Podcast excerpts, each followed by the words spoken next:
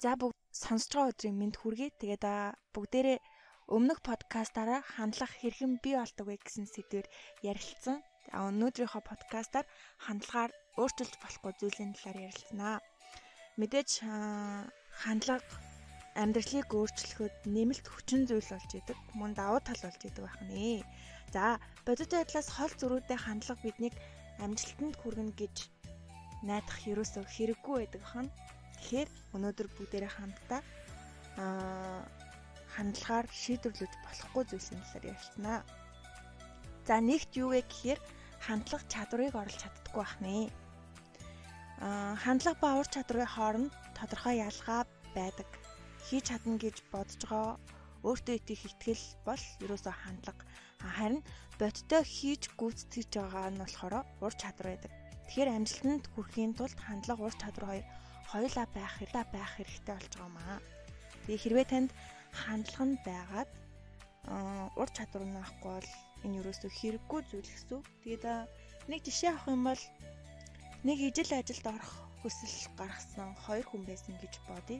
За нэг нь авиаслог чадвартай 10 гаруй жилийн туршлагатай боловч хандлагын хувьд за нэг байдаг л нэг төвшөнд.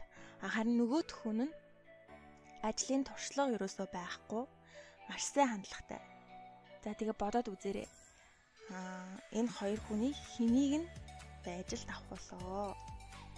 За дараагийнх нь юу вэ гэхээр аа хандлага туршлагыг оруулж чадахгүй гэж байгаа юм. Туршлагыг өөрчнд хэрэгтэй болохоос өмнө өөрийнх болгох аргагүй.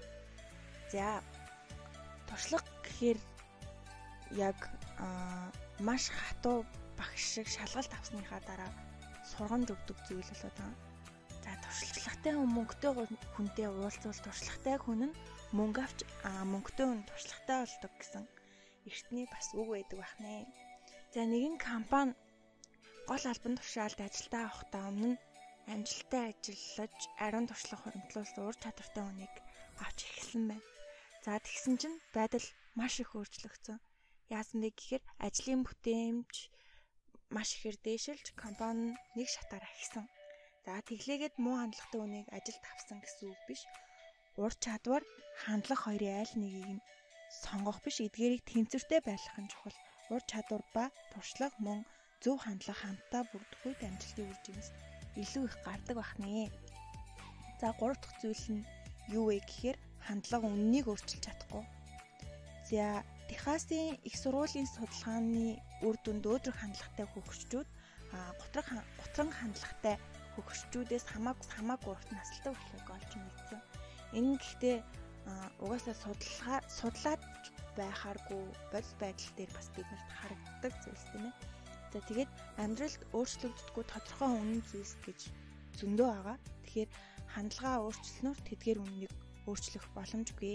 За жишээ нь гэхэд насанд хүрсэн хүний өндөр дахин нэмэгддэггүй. Аа тиймээс Америкийн сагсан бөмбөгийн холбоонд багтдаг багийн төвийн тоглогч болохыг хүссэн ч хэрвээ та 160 см өндөртэй бол юмыг яаж мэдэх вэ гэж бодоод ч хэрэггүй. Хичнээн өөдрөг хандлагатай байлаач энэ нь биелэх боломжгүй. Мэдээж таны өндөр 1 см-аарч нэмэгдэхгүй гэсэн үг. За тэгэхээр ямар нэгэн асуудал үүсэх үед түүний талаар ярилцаж шийдвэрлэх аргыг хайж болно. Харин бодит үнний тухайд зохицож амьдрах аргыг сурах хэрэгтэй. Зя тэгэхээр та дурггүй зүйлээ өөрчлөх хийх хичээжээ. Харин өөрчлөх боломжгүй бол гомдлохоо болоод хандлагаа өөрчлөх хэрэгтэй болох нэ. За дөрөвт нь хандлагаар өөрчилж болохгүй зүйлийн дөрөвт хандлагад зохицуулт хэрэгтэй байдаг бахнэ. За энгийн хүний хувьд өглөө ажилд явах замдаа өөрийнхөө хандлагыг шалгахад маш тохиромжтой үе байдаг юм байна.